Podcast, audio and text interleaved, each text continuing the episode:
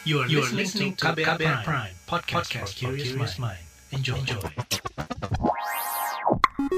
Saatnya Anda dengarkan Ruang Publik KBR yang dipersembahkan oleh Palang Merah Indonesia.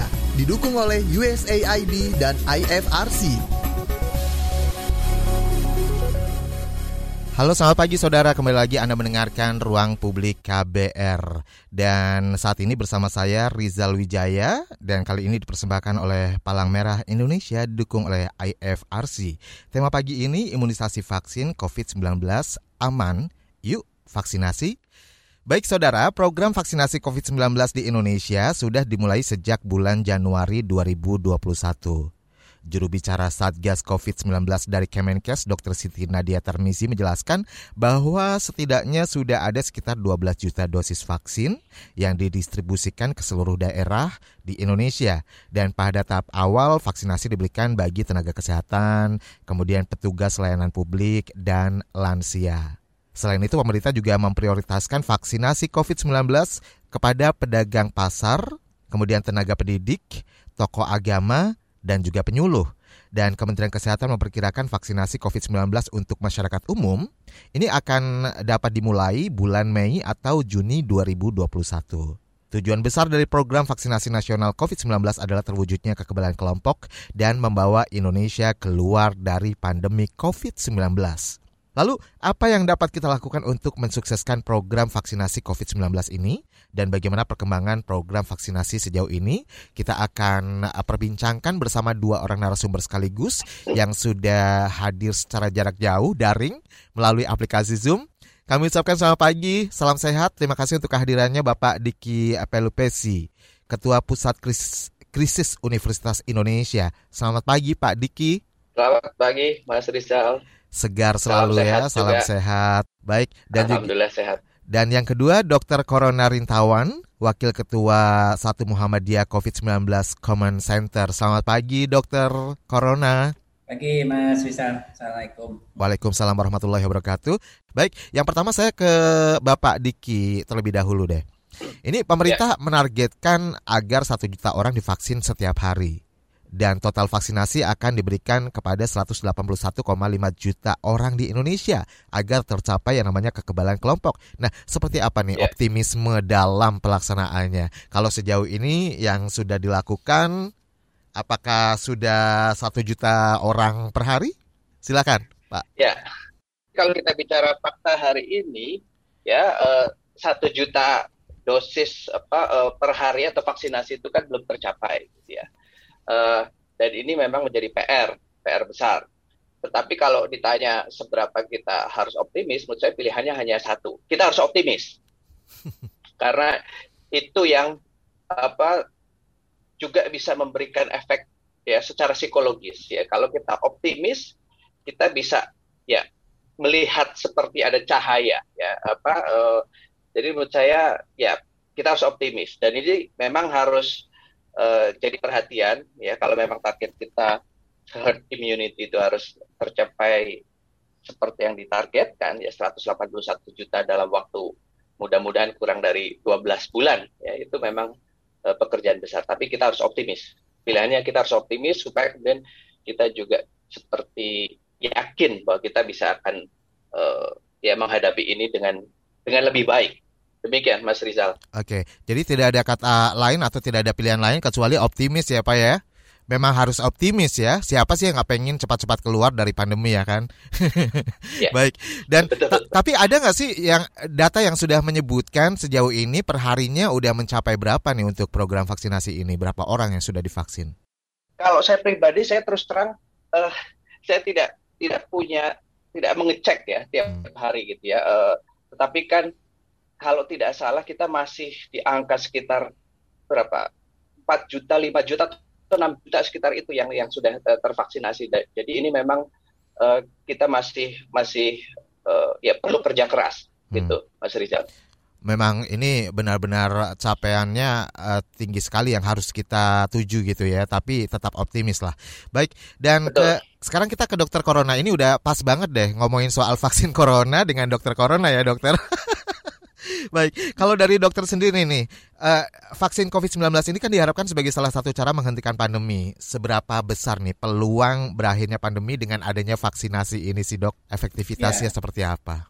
Kita bicara terkait secara umum ya, keilmuan secara umum memang vaksin itu salah satu cara itu untuk menghentikan pandemi. Jadi di panduan mana pun memang menyebutkan vaksin salah satu cara. Jadi ini apa yang perlu dipahami salah satu cara ya, bukan satu-satunya cara. Nah, itu yang harus dipahami. Nah, dalam konteks program vaksin memang eh, di beberapa negara sudah melaporkan adanya penurunan yang signifikan untuk kasus-kasus yang harus dirawat inap di rumah sakit gitu ya. Angka kematian juga menurun dan angka yang harus dirawat di rumah sakit juga menurun. Ini bahkan di uh, satu negara ya Scotland itu pada setelah tiga minggu setelah dilakukan vaksin itu terjadi penurunan sekitar 90 persen angka yang dirawat di rumah sakit. Nah ini kan uh, signifikan sekali dalam arti mengurangi beban di fasilitas kesehatan ya, tentunya di sistem kesehatan dalam konteks pelayanan uh, vaksin ini.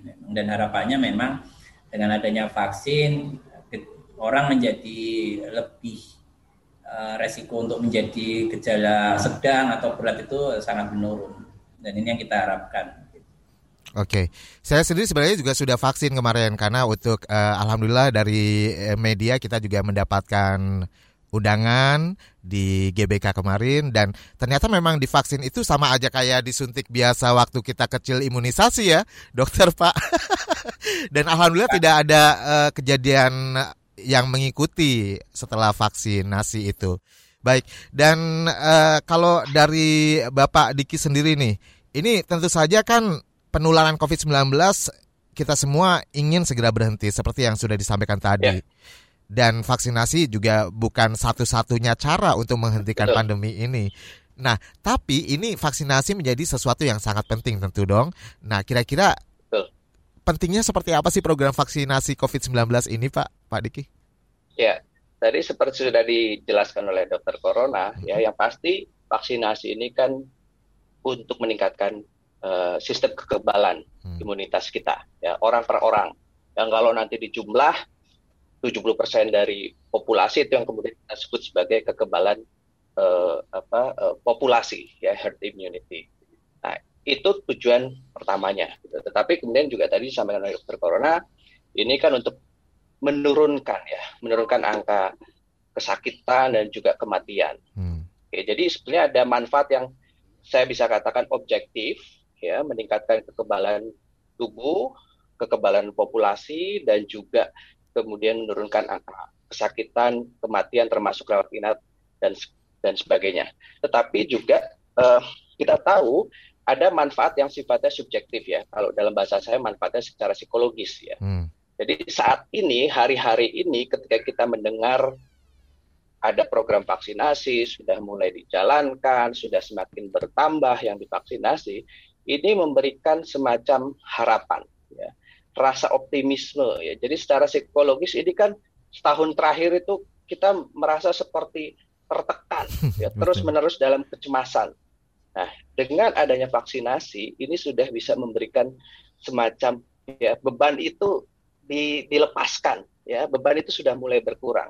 Atau dalam bahasa yang apa agak hiperbolik kita seperti sudah mulai melihat cahaya di ujung terowongan gitu ya. Ini manfaat vaksinasi. Yang saya bilang secara subjektif secara psikologis. Dan saya ini penting karena bayangkan selama berbulan-bulan setahun lebih kita dalam kondisi merasa cemas, hmm. takut, tertekan. Nah, ini psikologis. Tetapi kemudian kita tahu bahwa um, seiring dengan semakin banyak orang divaksin, ya orang sudah makin merasa sehat secara mental karena merasa tidak tidak terus menerus cemas. Kita tahu kemudian nanti ini efeknya ke sektor-sektor lain ya. Apa artinya kemudian perlahan-lahan ada sektor-sektor yang bisa mulai pulih, bangkit, tetapi tetap dengan catatan kalau belum divaksin, vaksinasinya belum apa tercapai seperti yang ditargetkan uh, dan itu memang kita tahu bahwa vaksinasi itu bukan senjata pamungkas ada uh, tindakan lain yang harus kita jalankan protokol kesehatan harus kita jalankan Betul. seiring dengan ketika kemudian sektor-sektor kehidupan masyarakat itu mulai apa bergulir kembali tapi tadi kalau saya katakan manfaat ya ada manfaat objektif tetapi juga manfaat subjektif psikologis yang ini bisa uh, ya membuat kita makin optimis ya makin okay. merasa ya kita akan bisa uh, mengatasi ini semua. Demikian Mas Rizal. Baik, dan ini penting sekali ya bagi masyarakat, bagi kita karena kita menganggap bahwa memang ada cahaya seperti tadi disebutkan ada harapan gitu dengan adanya program vaksinasi ini, tapi juga dibarengi dengan yang namanya infodemik ya yang yang menyebar dan ancamannya juga sangat luar biasa nih. Nah, saya jadi. Iya. uh, pengen tahu juga sebenarnya cara kerja vaksin di dalam tubuh kita ini sehingga dapat meningkatkan kekebalan tubuh terhadap virus corona. Seperti apa sih informasi yang benar saya boleh dapatkan dari dokter corona pagi hari ini. Silakan dokter. Ya, secara umum memang uh, vaksin ini merupakan kekebalan yang didapat ya, jadi acquired uh, imun gitu ya.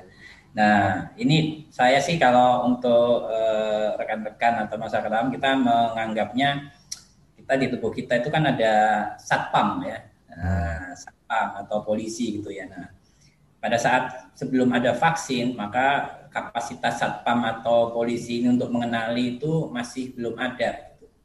Sehingga dia tidak bisa uh, dengan cepat mengenali musuh yang datang gitu ya. Nah vaksin itu adalah cara untuk mengenalkan dengan cara aman. Jadi misalnya uh, kalau kita nggak apa bukan vaksin itu uh, maling rampok masuk itu dengan senjata lengkap ya satpamnya itu akhirnya jadi uh, kalah ya dalam konteks ini ya, gagap gitu ya. Tapi dalam konteks vaksin maka rampok atau maling ini dimasukkan, tapi senjatanya dilucuti gitu.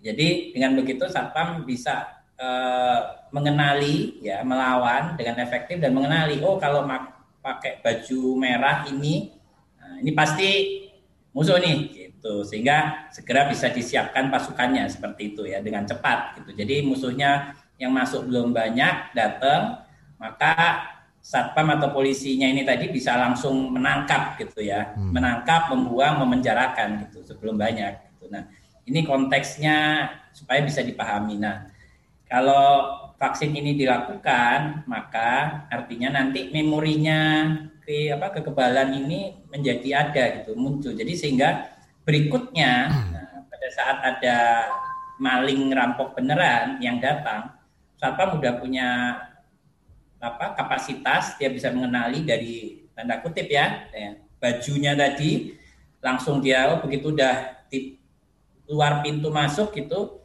dia sudah tahu nih oh ini udah uh, apa namanya maling ini gitu hmm. langsung disiapkan pasukan yang banyak sehingga sebelum Eh, rampok itu banyak yang datang atau merusak itu sudah ditangkap gitu. Ditangkap dan dibuang tanda kutip.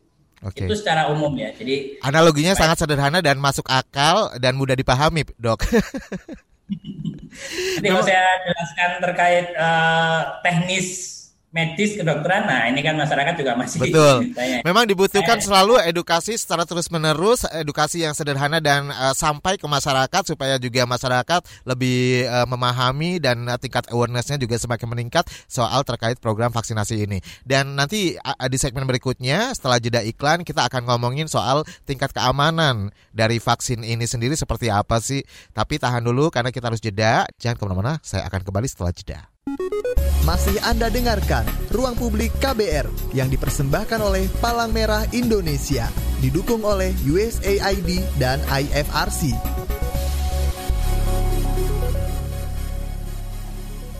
Commercial break. Commercial break. Commercial break.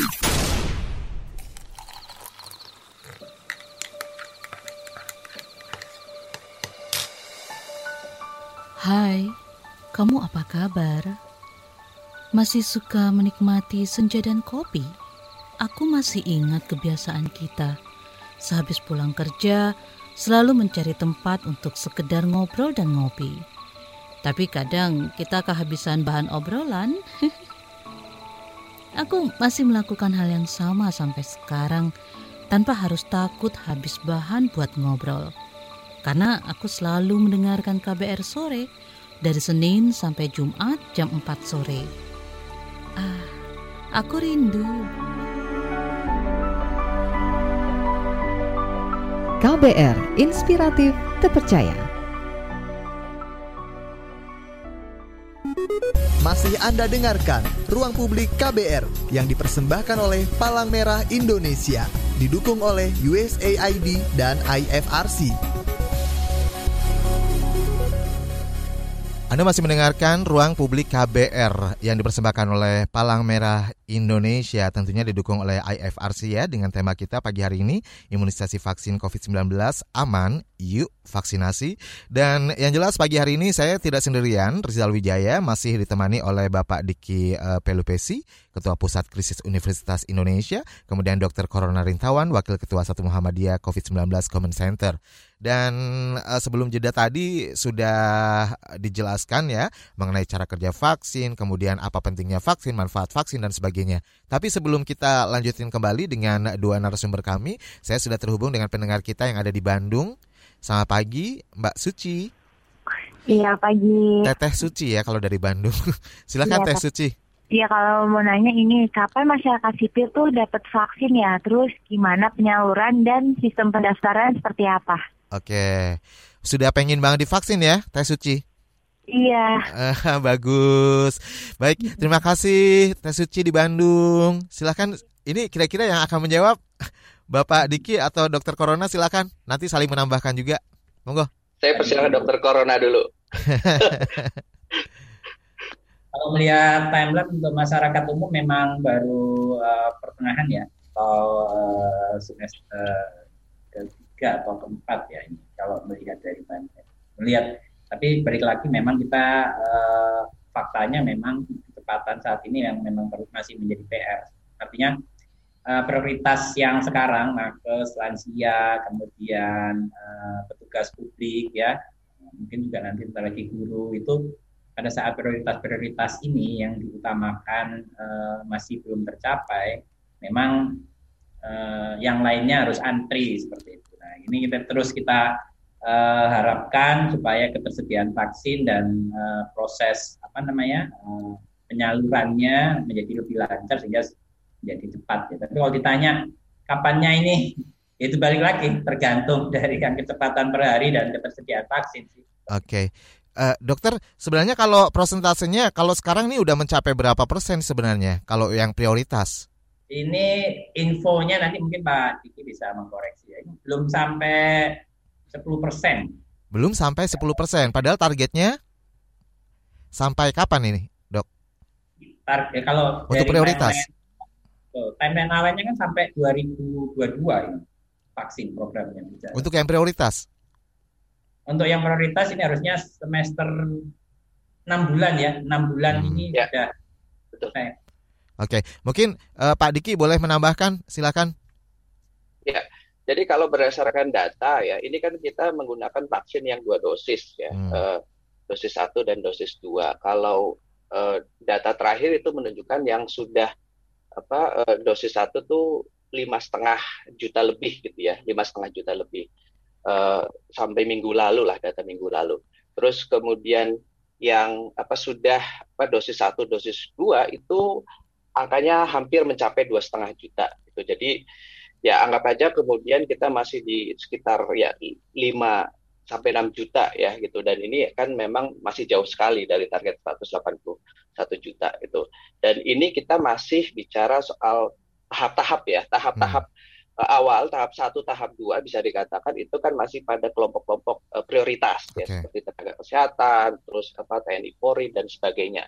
Nah, kalau tadi ada pertanyaan yang masyarakat umum betul apa memang kalau berdasarkan eh, jadwal atau target yang ada itu kan memang nanti baru paruh kedua. Jadi eh, kalau semuanya lancar ya eh, eh, apa itu Sesuai timeline gitu ya. sekitar ya sesuai timeline memang betul baru di pertengahan tahun ya paling cepat itu paling cepat itu bulan Juni. Tapi ya ini semua tergantung dan ini nanti perlu dievaluasi dulu nih apa eh, tahap satu tahap Oke. dua ini. Nah, mekanismenya juga tadi ditanyakan kalau eh, bagi masyarakat umum yang ingin divaksin harus mendaftarkah atau memang sudah datanya sudah ada dari per RW atau per RT atau gimana? Ya.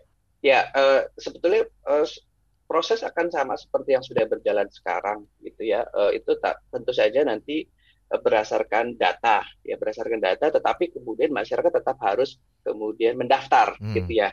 Nah, untuk eh, prosesnya ya ini eh, nanti akan ada apa informasi ya. Yang pertama nanti akan dari dinas kesehatan dan nanti kemudian juga dari apa pemerintah daerah. Jadi kalau kalau terutama untuk yang umum ya apa uh, ini nanti uh, kita kita perlu tunggu uh, informasi berikutnya. Tetapi ya seperti yang sudah berjalan seperti sekarang ya uh, masuk dalam data ya data yang akan divaksin dan setelah itu kemudian mendaftar. Oke. Okay. Itu tetap harus dilakukan. Baik. Dan uh, ngomongin soal tingkat keamanan. Nah, bagi masyarakat ini informasinya sangat penting sekali untuk uh, apa namanya pemahaman ya kan. Dokter Corona mungkin bisa menjelaskan nih terkait dengan keamanan ini yang masih banyak yang ragu, sanksi dan sebagainya. Tapi sebelum penjelasan ada dari Surabaya pendengar kita ada Mas Yoga. Selamat pagi Mas Yoga. Halo, selamat pagi. Iya, silakan Mas Yoga, ada yang mau ditanyakan. Iya, saya mau tanya ini, apakah pada nantinya ada beberapa vaksin COVID yang bisa dipilih oleh masyarakat? Itu aja. Oke. Okay. Uh, uh. Baik, terima kasih Mas Yoga atas pertanyaannya di Surabaya. Sebelum uh, menjawab pertanyaan saya tadi soal tingkat keamanan, boleh dijawab terlebih dahulu. Apakah ada vaksin COVID yang bisa dipilih masyarakat? Masyarakat boleh memilih nih antara beberapa vaksin yang ada. Memang ada berapa vaksin yang didatangkan sih yang sudah disediakan oleh pemerintah, dokter? Atau kalau saat ini kan dua, hmm. jadi memang persediaannya saat ini hanya dua. Jadi emang kalau uh, berbicara tentang pilihan, sepertinya belum ada pilihan atau belum banyak pilihan. Jadi memang uh, ini karena 200 sekian negara itu uh, juga semua membutuhkan vaksin. Berebut gitu ya? Jadi uh, produsen di mana pun ini sedang uh, berkutat untuk uh, yang memproduksi cepat dan sebanyak mungkin. Okay. Tapi tentu kan itu prosesnya juga tidak bisa asal-asalan ya, karena semua harus memenuhi standar. Nah, artinya memang dengan adanya ketersediaan vaksin yang memang masih terbatas, memang ini uh, sementara ini memang pilihan itu tidak banyak. Sementara ini yang datang kan dua ya, ya Sinovac dan yang uh, apa AZ itu ya. Oke. Okay. Nah, kalau yang Terus, untuk masyarakat sendiri peruntukannya yang mana ini, dokter? Kira-kira? Nah, peruntukannya nanti itu tadi balik lagi prioritasnya kalau sudah selesai semua tercapai ya akhirnya nanti bisa dilakukan untuk masyarakat umum. Oke. Baik, jadi belum tahu juga yang mana ya yang akan diberikan kepada masyarakat umum gitu ya, ya dokter ya? Karena masih men menyesuaikan target prioritas ya. Ada yang mau ditambahkan Pak Diki terkait pertanyaan dari Yoga di Surabaya? Ya, jadi kan vaksin yang diberikan masyarakat adalah vaksin yang didatangkan oleh negara, oleh pemerintah. Gitu. Itu itu uh, prinsipnya. Karena kemudian uh, vaksin itu uh, dalam proses distribusinya itu tidak bisa dibeli ketengan gitu ya. Hmm. Uh, yang membeli adalah uh, pemerintah. Sementara ini seperti itu. Jadi produsen-produsen itu menjual uh, produk vaksinnya itu kepada pemerintah-pemerintah negara. Jadi memang uh, apa yang kemudian bisa kita pakai, apa yang bisa kita pilih itu tergantung apa yang kemudian didatangkan oleh negara. Hmm. Dan kita tahu bahwa saat ini yang didatangkan oleh pemerintah Indonesia dua jenis tadi, ya Sinovac dan AstraZeneca. Nah, jadi artinya sekarang yang tersedia okay. yaitu dan itu yang kemudian uh, kita terima dari pemerintah apa ya yang didatangkan oleh pemerintah apa gitu. Baik, jadi secara sederhana mungkin uh, bagi masyarakat bisa uh, menarik kesimpulan bahwa memang kita harus bersyukur ya dokter ya dan Pak Diki karena banyak negara yang memperebutkan vaksin ini dan kita sudah mendapatkannya seperti itu kan dua lagi dua jenis lagi dua varian ya. lagi dan ini Betul. menjadi uh, kebanggaan tersendiri sebenarnya. Jadi kita terima apa yang sudah diakomodir oleh negara seperti itu kira-kira ya.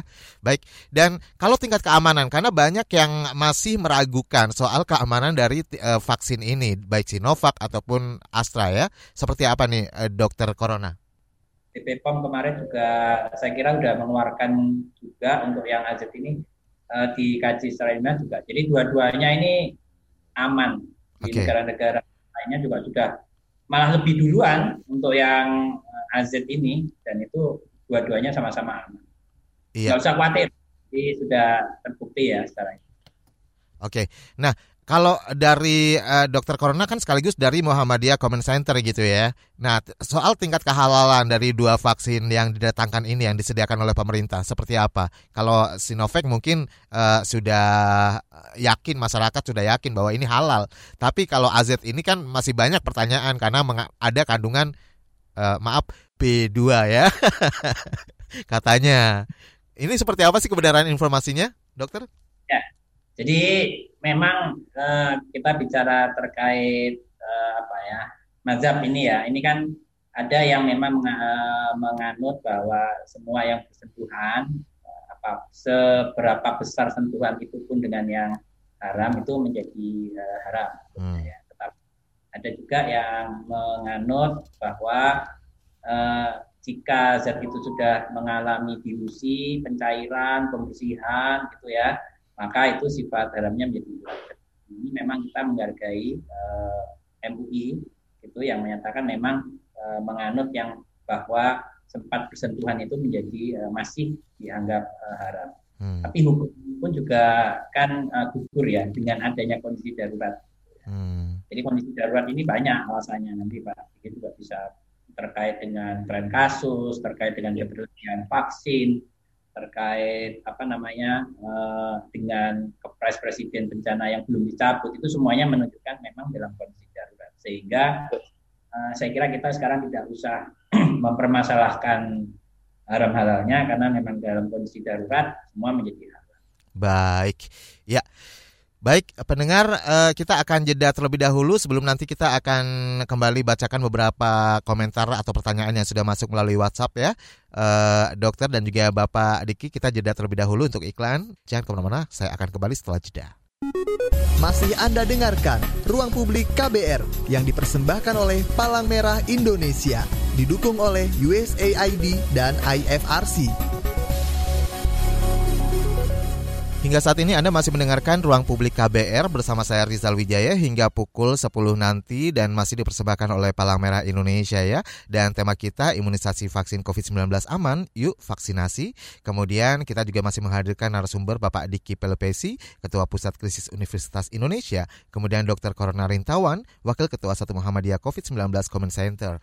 Dan uh, beberapa pertanyaan yang sudah masuk melalui WhatsApp ya di 0812 118 8181. Saya akan bacakan satu persatu. Selamat pagi, ada Anton di Yogyakarta.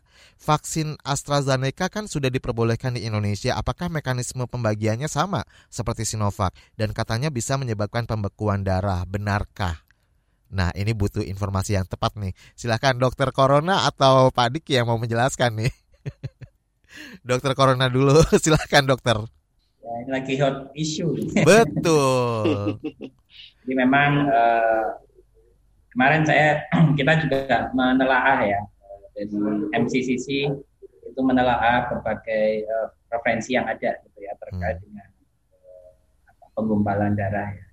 Sementara ini memang ada beberapa negara yang uh, dalam hal ini menangguhkan uh, pemberian, tetapi uh, setelah ditelaah dan itu WHO dan EMA yang uh, Europe ya European Medicine Association dan WHO ya WHO itu sudah mendeklar per tanggal 18 Maret 2021 kata itu memang jadinya kasus uh, penggumpalan darah ini ternyata memang tidak ada hubungan sebab akibat dengan uh, program vaksin.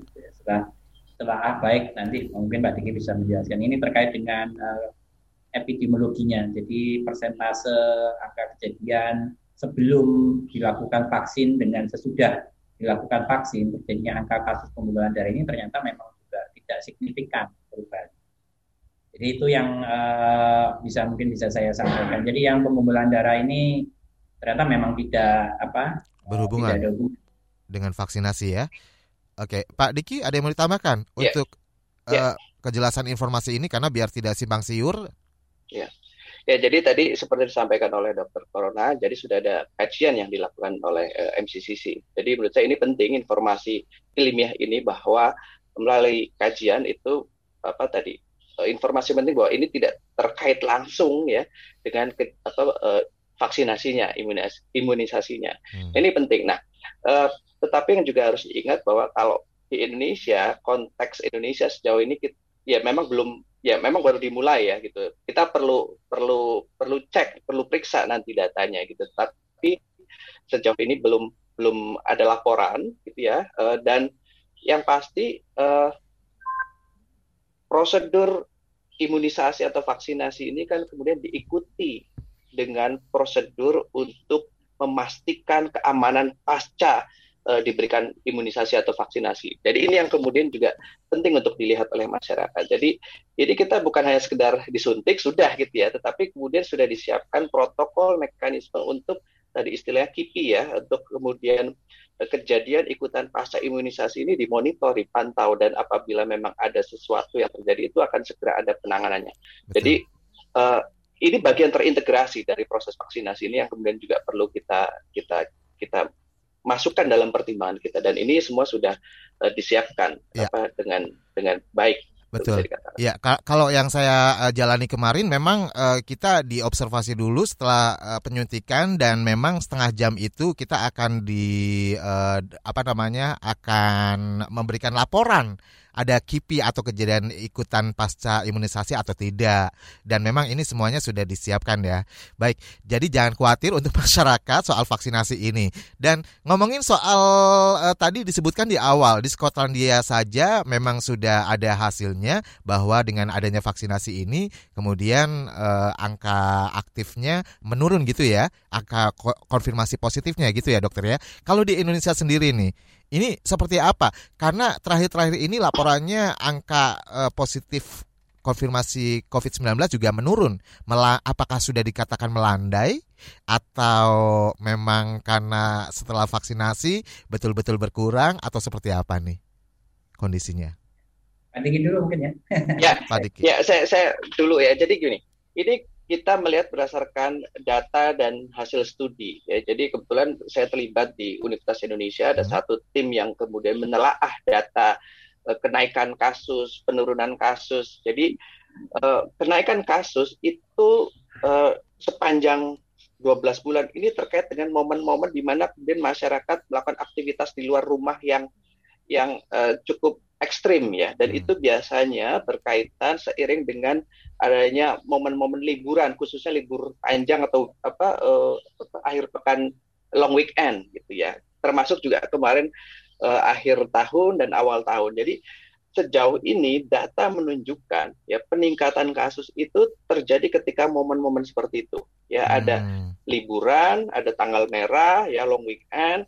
Kemudian masyarakat apa melakukan aktivitas apa di luar rumah, liburan atau bepergian, berkumpul bersama keluarga. Nah, itu yang kita lihat sebagai data hasil kajian. Nah, jadi uh, kita bisa lihat memang dari Januari akhir Januari sampai ya, bulan Maret kan memang uh, belum ada momen di mana kemudian yang akan mendorong masyarakat hmm. untuk tadi ya untuk kumpul untuk liburan ya tetapi juga kita lihat tuh apa uh, mulai Januari sampai ya apa uh, sebetulnya itu udah mulai diingatkan dari akhir hmm. Desember, tapi itu tidak bisa menghalangi masyarakat untuk tapi bulan akhir tahun dan awal tahun gitu ya. Tetapi kemudian informasi ini, narasi ini terus disampaikan bahwa uh, peningkatan kasus itu ketika terjadi masyarakat abai, ketika apa uh, mereka keluar rumah, entah untuk liburan, entah ada untuk momen gitu ya Pak ya. Ada momen gitu. Hmm. Nah kita memang dari bulan Januari sampai hari ini belum ada nih apa tesnya belum nah kita kita akan menghadapi hujan ini nanti sebentar lagi ya sebulan nah, ini. ke depan gitu ya. Sebelum Ramadan kan biasanya harus... banyak orang pada ini acara nyekar ke makam dan sebagainya betul, gitu ya. Betul, betul. Kita punya tradisi ada orang biasanya sebelum bulan apa bulan puasa pulang kampung ya untuk nyadran macam-macam lah gitu ya. ya. Sama ya. kemudian juga nanti apa mudik atau pulang kampung. Nah, ini yang kemudian menjadi tes ya buat kita gitu. Uh, dan ini juga nanti akan jadi tes yang lain karena kemudian pada saat yang sama kan mungkin sebagian masyarakat merasa bahwa vaksinasi itu udah semacam jadi apa uh, senjata ya hmm. untuk mengatasi corona. Ini yang kemudian nanti orang tidak boleh lengah gitu ya bahwa okay. ya uh, orang per orang sudah meningkat kekebalan tetapi kan virusnya masih berkeliaran hmm. gitu ya yang artinya kalau kemudian kita melakukan perjalanan keluar rumah virus itu masih mungkin mampir hmm. gitu ke tubuh-tubuh ke, orang-orang nah ini menurut saya yang harus uh, kita kita eh, perhatikan dengan serius. Baik, jadi eh, jangan GR juga ya. Kalau terus jangan lengah juga. Maksudnya ini sekarang memang lagi turun, tapi bukan berarti eh, memang sudah melandai. Karena memang tadi eh, disebutkan case ini bisa terjadi karena ada momen-momen yang memang sebagai pemicu, ya seperti liburan dan sebagainya. Apalagi sekarang kita udah eh, tahap udah mendekati bulan Ramadan dan juga nanti mudik Lebaran. Waduh. Ya, data Satgas kalau saya boleh tambahkan, Ah, Mas oke, Rizal, oke. ini baru kemarin disampaikan oleh eh, apa Satgas. Memang kecenderungan menurun, tetapi ini ada tanda-tanda nih. Apa, Hmm. Dalam beberapa hari terakhir itu meningkat. Memang masih kecil, tapi ada peningkatan 2 sampai 3 persen. Oke, Mulai meningkat lagi. Gitu. baik. Nah ini yang harus kita waspadai nih. Jangan sampai 2-3 persen meningkat terus kita biarkan naik terus gitu ya. Ya. Nah ini yang harus kita perhatikan. Baik, ada hari Hari Syukriya. Ini kayaknya orang India nih Hari Syukriya. Apakah sebelum masyarakat divaksinasi ada sosialisasi datang langsung masyarakat untuk menjelaskan bahwa vaksin ini aman? Karena rata-rata saya lihat banyak masyarakat masih banyak yang takut untuk divaksin. Nah, ini harusnya sih ke pemerintah gitu ya. Ya. Tapi boleh dijawab silakan, boleh ya, tanggapin. Ya, kalau saya boleh menjawab, memang eh, sebetulnya terkait dengan edukasi terhadap vaksin ini menjadi tugas kita bersama. Bukan hanya pemerintah ya Pak ya dokter. Karena hanya pemerintah, karena pada semua faktor ini kan dipengaruhi juga ya. Artinya semua eh, sektor ini juga harus ikut melakukan edukasi bersama. Kalau misalnya ormas atau instansi mana pun juga yang apa namanya memang mengakui bahwa memang vaksin ini merupakan salah satu ikhtiar ya dalam hal eh, menangani pen- apa wabah ya Hmm. ini maka ya kita semua harus berusaha. Jadi memang eh, edukasi harus dilakukan secara masif dan eh, harusnya memang eh, pemerintah ya tidak mungkin pemerintah itu bisa bekerja sendirian Betul. tidak mungkin. Apalagi kita konteksnya dalam konteks bencana itu karena eh, disaster is everyone business ya. Begitu kita ngomong kita bencana maka ini urusan semua Orang. orang. gitu ya. Termasuk Jadi, yang pagi ini kita lakukan ya, dokter melalui PMI Betul. dan juga KBR, betul, edukasi dan sosialisasi. jaringan media, kemudian para tokoh-tokoh, selebritis, influencer itu semuanya mempunyai pengaruh dalam konteks eh, edukasi ini. Makanya eh, yang perlu kita tekankan adalah bagaimana kita bisa melakukan edukasi yang benar dan tepat. Gitu ya. Hmm. Jangan sampai nanti eh, di sisi lainnya sudah melakukan edukasi, di sisi lainnya kalau bahasa anunya itu gembosi. Ah, Jadi, itu dia. Ah, itu itu yang nantinya menjadi tidak efektif ya. Nah, makanya ini selalu selalu dan saya kira masyarakat juga sekarang sudah jauh lebih pintar ya bisa melihat atau mencari mana sumber-sumber yang terpercaya seperti itu. Ya, Itu harusnya yang memang harus di- Baik. harus diperhatikan. Ya, yang terpenting mungkin yang utama kita jangan sampai putus asa untuk eh, terus melakukan edukasi dan sosialisasi kepada lingkungan terdekat barangkali ya, dokter. Ya. Dan eh, ada pertanyaan berikutnya dari Eka, apakah nanti akan disediakan juga vaksin COVID yang mandiri? Apakah nanti akan berbayar untuk yang mandiri ini? Silakan. Ya, saya bisa eh, jawab dan ini memang kan sudah sudah menjadi apa, wacana dan bahkan sudah diputuskan ya oleh pemerintah bahwa boleh apa, ada vaksin mandiri. Tetapi apa vaksin mandiri memang artinya bukan apa dikerjakan oleh pemerintah gitu ya, tetapi ini dikerjakan oleh sektor swasta terutama. Nah, eh, sejauh yang eh, saya pahami dan kemudian menjadi semacam panduan ya berbayar itu bukan si individunya yang berbayar, gitu. bukan individu yang membayar eh, vaksinasi tersebut untuk vaksinasi mandiri. Karena vaksinasi mandiri itu kan kemudian eh, oleh eh, kantor-kantor atau perusahaan yang kemudian itu diberikan kepada apa eh, stafnya, karyawannya, gitu ya. Jadi eh, jadi pada prinsipnya vaksinasi itu gratis, ya Hmm. kata pemerintah vaksinasi itu gratis, ya dan ini yang artinya masyarakat tidak membayar, gitu. Jadi ketika ada vaksin mandiri atau vaksin gotong royong yang dilakukan oleh perusahaan-perusahaan itu perusahaan-perusahaan ini membayar untuk staf atau karyawannya atau keluarga karyawannya gitu. Jadi, bukan, bukan secara pribadi mengeluarkan kantong pribadi Iya. untuk membeli vaksin gitu ya? ya itu yang apa ditetapkan oleh pemerintah bahwa vaksinasi ini sifatnya gratis. Baik, kita akan jeda terlebih dahulu sebelum nanti kita masuk ke bagian akhir di ruang publik KBR pagi hari ini, dokter dan juga Pak Diki. Jangan ke mana-mana, saya akan kembali setelah jeda. Masih Anda dengarkan Ruang Publik KBR yang dipersembahkan oleh Palang Merah Indonesia, didukung oleh USAID dan IFRC.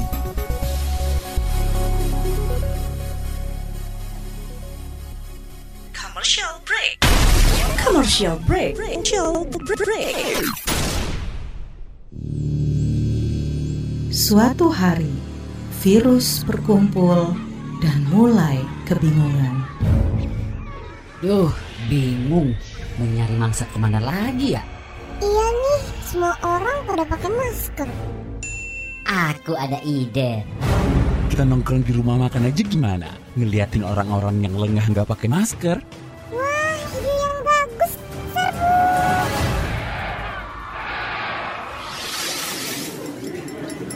Hati-hati makan bersama saat pandemi. Sebaiknya pilih ruang terbuka, tetap jaga jarak kamu 1,5 meter jika duduk bersebelahan, 2 meter jika berhadapan. Batasi waktu makan bersama 30 menit saja dan jangan berbicara saat makan. Jika sudah selesai, gunakan kembali maskermu ya.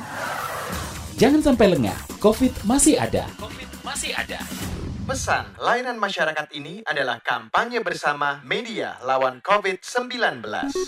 Masih Anda dengarkan Ruang Publik KBR yang dipersembahkan oleh Palang Merah Indonesia, didukung oleh USAID dan IFRC. Inilah bagian akhir ruang publik KBR pagi hari ini bersama Palang Merah Indonesia dan masih bersama saya Rizal Wijaya dengan dua narasumber yang terhubung melalui aplikasi Zoom karena kita masih tetap uh, menjaga jarak gitu ya. 5M. Baik, dan ada uh, Bapak Diki Palupesi, Ketua Pusat Krisis Universitas Indonesia, dan juga Dr. Corona Rintawan, Wakil Ketua Satu Muhammadiyah COVID-19 Comment Center. Dan yang jelas uh, sudah banyak penjelasan yang diberikan di ruang publik pagi hari ini, sehingga uh, harapannya tingkat kesadaran masyarakat akan program vaksinasi ini juga akan semakin meningkat ya, dan semakin mengerti paham apa sebenarnya yang harus kita pelajari dari soal vaksinasi ini. Dan ternyata ada banyak banget yang sudah sudah ikutan memberikan pertanyaan melalui YouTube. Saya cek terlebih dahulu. Ada Bapak Aristarkus Mandala di Lampung. Dokter, saya mau tanya bagaimana bagi masyarakat yang punya tensi tinggi tapi pengen divaksin. Prosedurnya seperti apa? Apakah ada syarat-syarat tertentu yang harus eh, diperhatikan nih dari Aris Mandala di Lampung? Kemudian Susi Herawati, halo saya mau bertanya, ada beberapa teman saya yang info kalau setelah divaksin apa nih? Dan di rapid test ternyata hasilnya positif COVID-19. Lalu sebenarnya bagaimana proses kerja dari vaksin tersebut? Tadi sebenarnya kalau dari cara kerjanya sudah disebutkan, sudah dijelaskan ya sama dokter Corona. Tapi lebih dalam lagi ya. mungkin bisa ditanggapin pertanyaan-pertanyaan tadi. Silakan. Untuk Pak Ali ya dari Lampung ya. Ya. Mandala. Terkait, ya, Mandala. Itu uh, untuk darah tinggi memang uh, disyaratkan sementara ini dari Perhimpunan Penyakit Dalam menyebutkan harus di bawah 100 80 jadi tergantung berapa tekanan darahnya gitu. Nah, kalau memang uh, masih di bawah 180 masih bisa uh, hmm. dilakukan uh, vaksin gitu ya. Tapi kalau di atas itu memang sebaiknya uh, berkonsultasi ke dokter untuk mendapatkan obat gitu ya. Jadi mungkin nanti bisa ditunda sampai tekanan darahnya kalau nggak salah terkontrol ya. Hmm. Itu yang untuk tekanan darah. Ya dan sebelum, Jadi sebelum dan boleh sebelum, tapi bersyarat. Uh, dan sebelum divaksin memang juga kita harus melewati ini ya tahapan untuk detensi terlebih dahulu. Ya, namanya ada ada screening awal, ya. biasanya pakai survei itu dan nanti ada screening di tempat. Nah, screening di tempat ini yang biasanya uh, dilakukan uh, ngecek suhu, tekanan darah, sekarang itu yang ada screening. Ada harus lolos dua-duanya. Oke. Okay. Memang berapa kali memang ada yang misalnya uh, habis lari nih gitu. terus kemudian siangnya eh, vaksin nah itu biasanya agak naik memang tekanan okay. jadi memang disyaratkan memang betul-betul pada saat mau vaksin istirahat cukup ya tidak perlu apa ya istilahnya grogi atau takut jadi biasanya malah agak naik tekanan darah. Ah, Oke, okay. gitu. baik. Kemudian yang dari Susi Herawati. Iya, kalau terkait rapid ini kan uh, kita ada rapid nya itu ada rapid antigen, ada rapid antibody ya. Kalau kita bicara reaktif, biasanya memang oh, antibody ya. Nah, kalau ini dilihat dulu, kalau masanya berapa lama diceknya, jadi ada waktu tertentu gitu. Kalau misalnya, misal nih hari Senin, uh, vaksin, kemudian hari Selasa dicek ternyata reaktif, itu bukan berarti bukan karena uh, vaksinnya, hmm. tapi memang uh, pernah terpapar. Nah, istilahnya orang ini pernah terpapar oleh COVID sebelum vaksin. Karena kan memang uh, untuk menimbulkan kekebalan ini setelah vaksin ada hmm. jeda waktunya ya, jeda waktunya. Itu berapa ya, lama, Dok? 14 14 sampai 28 hari untuk yang Itu setelah dosis kedua disuntikan ya? Nah, yang pertama. Jadi oh, yang, yang pertama. setelah pertama ya. Nanti setelah dosis kedua pun juga ada uh, masanya dia akan uh, muncul ya. Berapa itu. lama? Kalau yang kedua? Jadi sekitar hari. ya 28 hari ya. Total 28 jadi, hari untuk dua dosis betul, penyuntikan ya. ya betul. Jadi itu memang nantinya yang harus diperhatikan. Jadi melihat wak waktunya dulu. Gitu. Jadi okay. bukan berarti nanti uh, misalnya nih ya itu tadi ya hari Senin terus Rebu ternyata memang harus diperiksa reaktif ini karena vaksinnya karena kemarin ya jadi uh, ada waktunya tidak mungkin bisa kurang dari itu. Baik, berikutnya ada banyak masyarakat yang antusias untuk vaksin. Ini dari Hana Murni. Ada juga yang ragu-ragu karena hoax yang beredar di WhatsApp atau sosmed. Bagaimana saran narsum agar tidak makin banyak orang yang terpengaruhi? Ini dari Bapak Diki terlebih dahulu mungkin. Ya, jadi hoax ini atau infodemic ini kan apa uh, bukan hanya soal vaksin ya. Apa uh, dari sejak kita apa, apa menjalani atau mengalami wabah ini hoax itu macam-macam infodemic kita sebut seperti itu. Nah, jadi uh, ini memang pakai prinsip gini. Jadi begitu informasi yang hoax itu yang gosip tidak akurat itu muncul itu prinsipnya sebetulnya segera harus kemudian diluruskan, gitu ya. Uh, Nah ini kebetulan saya pernah melakukan studi, tapi memang agak lama, sekitar bulan apa uh, September ya terkait dengan vaksinasi ya. Jadi saya bisa bilang uh, waktu itu memang belum dilakukan vaksinasinya. Jadi ada sentimen-sentimen ya atau orang termakan hoax gitu ya. Hmm. Uh, sentimen pertama tadi soal halal haram gitu. Tapi persoalan halal haram menurut saya sudah sudah terselesaikan gitu ya. Uh, ketika MUI terutama untuk yang Sinovac itu sudah menyatakan itu halal dan ini juga kan sudah juga ada ada informasi bahwa dalam situasi darurat itu diperbolehkan gitu. Nah, itu soal sentimen. Soal uh, sentim, sentimen halal haram. Sentimen yang kedua lah sentimen tadi apa efektivitas ya uh, uh, uh, vaksinasinya ya.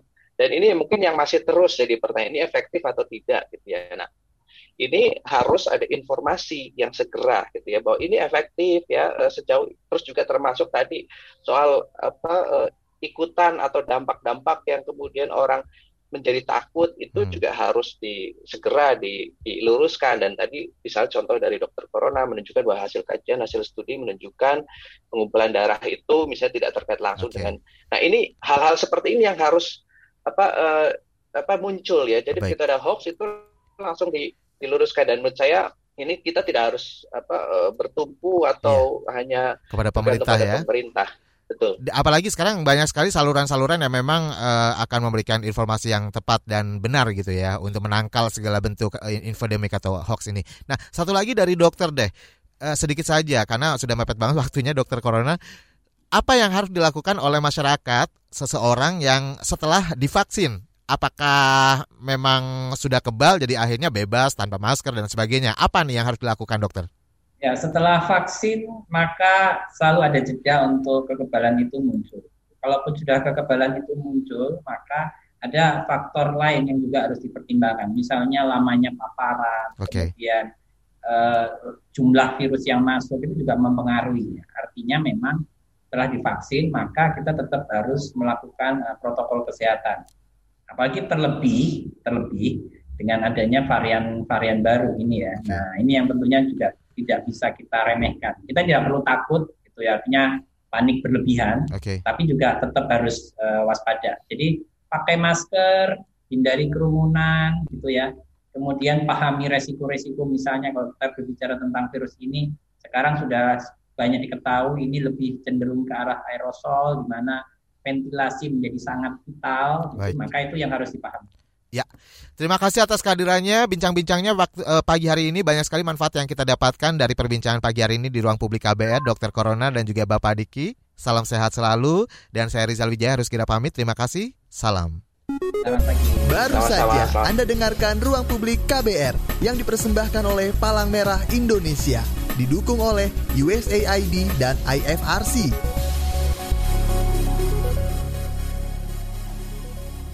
KBR Prime, cara asik mendengar berita. KBR Prime, podcast for curious mind.